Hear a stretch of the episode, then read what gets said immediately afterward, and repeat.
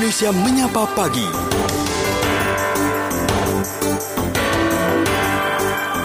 Indonesia Menyapa Pagi masih bersama saya Fahmi Andrian dan kita akan mencoba menghubungi uh, dokter kita ya dokter Diana Sunardi ini MGZ SPGK dan kali ini kita akan membahas mengenai menjaga kecukupan air di bulan puasa. Langsung saja kita sapa di line telepon.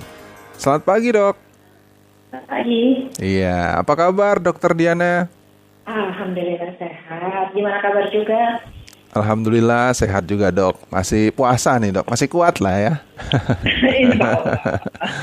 nah dok, kalau mungkin ya. kita tahu nih ya biasanya kalau orang berpuasa itu pasti asupan airnya kurang gitu ya. Dari artikel-artikel yang saya baca kita harus banyak minum air terus juga sebelum dan uh, sesudah berbuka. Jadi imsak itu minum, terus juga kalau sudah buka puasa kita minum. Tapi kita pengen tahu nih lebih detailnya uh, dari dokter Diana ini menjaga kecukupan air di bulan puasa ini sebenarnya gimana nih dok yang pas dan efisien gitu ya?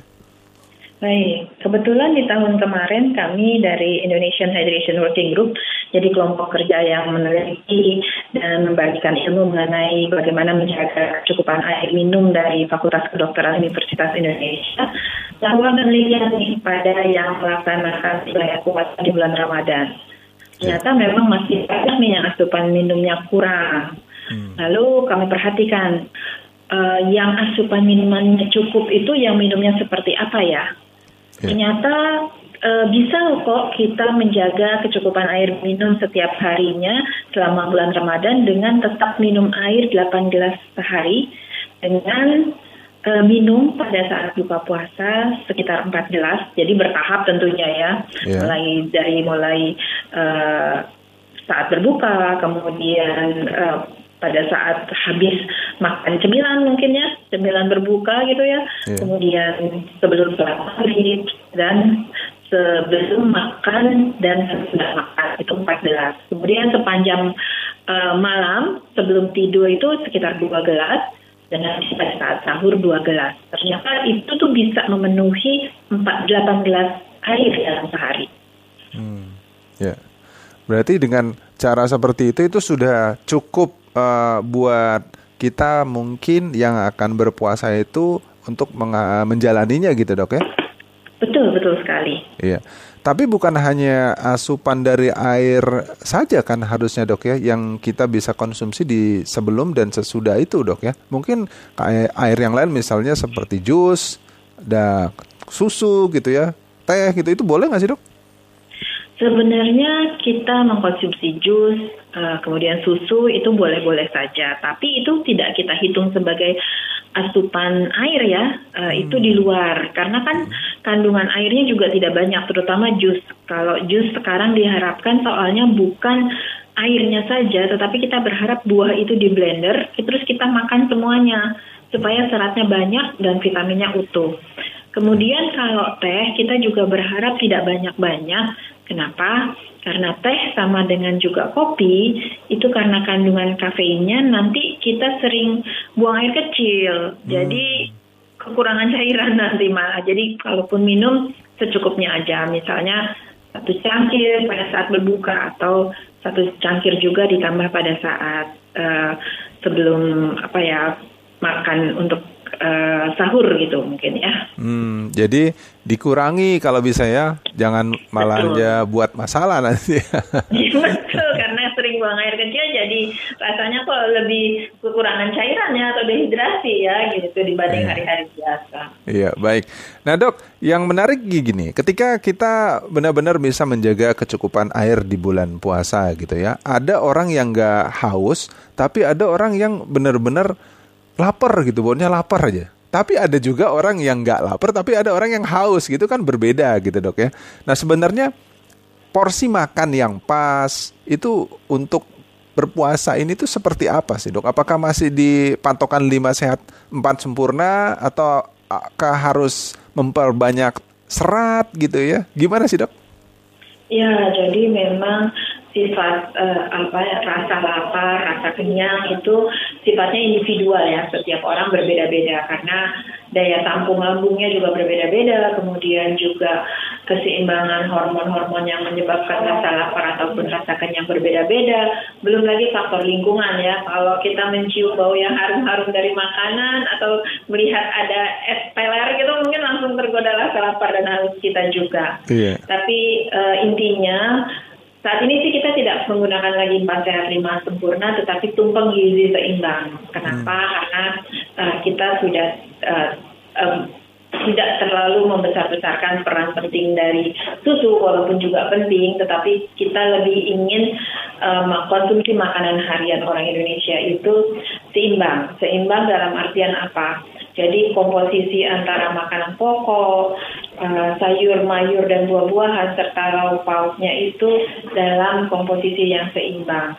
Hmm. Uh, sedangkan untuk supaya tidak cepat lapar gimana? Ya tentu saja makan karbohidrat kompleks atau istilahnya adalah uh, makan makanan pokok yang tidak segera uh, di diubah menjadi gula begitu di dalam tubuh kita uh, itu akan menjadi lebih cepat lapar, eh, lebih cepat kenyang dan lebih lama kenyangnya. Hmm. Contohnya apa? Tentunya kalau kita makan nasi, nasi yang berserat seperti nasi merah itu akan lebih lama kenyangnya. Kemudian kalaupun makan nasi putih tetapi diperbanyak uh, sayur mayurnya itu akan menjadi lebih lama kenyangnya juga begitu. Hmm, berarti bisa dikatakan nasi merah itu bisa menjaga ini ya cukup lama ya berarti ya e, lebih lama kenyangnya gitu ya? Betul karena kalau, dia seratnya banyak. Kalau singkong itu dok kan katanya banyak seratnya juga ya singkong talas gitu? Uh, singkong talas bisa juga ubi mm -hmm. ya ubi-ubian gitu. apalagi gitu. kalau labu parang labu parang yang kita suka bikin buat kolak tuh ya yeah itu seratnya lebih banyak lagi dan vitaminnya juga banyak. Itu bagus tuh. Oh, baik, baik. Nah, ini berarti uh, bisa menjadi alternatif juga ya untuk dikonsumsi pengganti nasi ya, seperti itu, Dok ya? Betul, betul sekali. Uh, beberapa sayur mayur yang mengandung pati atau karbohidrat uh, tinggi tetapi kompleks seperti tadi labu parang, kemudian uh, the, apa namanya labu siam, kemudian uh, umbi-umbian ya itu ya. memang akan membuat kita tahan lapar lebih lama. Baik, empat gelas imsak air putih, terus empat gelas sesudah berbuka puasa itu menjadi kan e, bisa membuat kecukupan air ya di tubuh kita selama bulan puasa ini. Tapi kalau dari empat ini misalnya ada diselingi gitu boleh nggak sih dok? Misalnya saya minumnya berbuka puasa terus minum satu gelas terus saya selingi dengan susu gitu terus nanti saya minum lagi itu boleh nggak sih dok? Boleh, boleh banget. Uh, tetap boleh minum susu ataupun mau minum jus seperti tadi. Hmm. Tapi harapannya dalam sepanjang hari, sepanjang sejak kita berbuka hingga kita imsak itu uh, eh, 8 gelas air. Airnya 8 gelas, walaupun kita minum susu ataupun jus.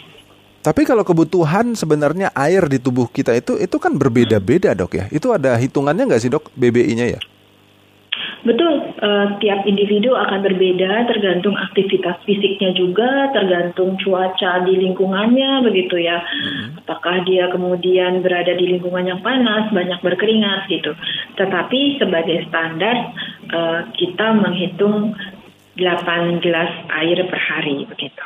8 gelas air itu uh, airnya tuh tingginya seberapa gitu boleh tahu gak sih?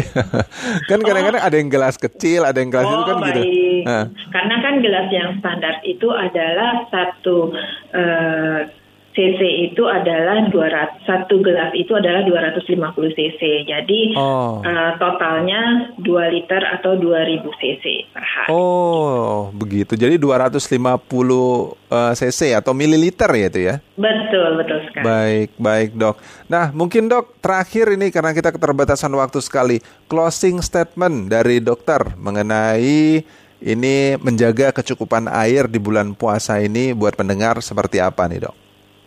Baik, di dalam uh, ibadah puasa kita hari ini tentu kita ingin berharap untuk dapat menyelesaikan puasa kita sepanjang bulan Ramadan ini.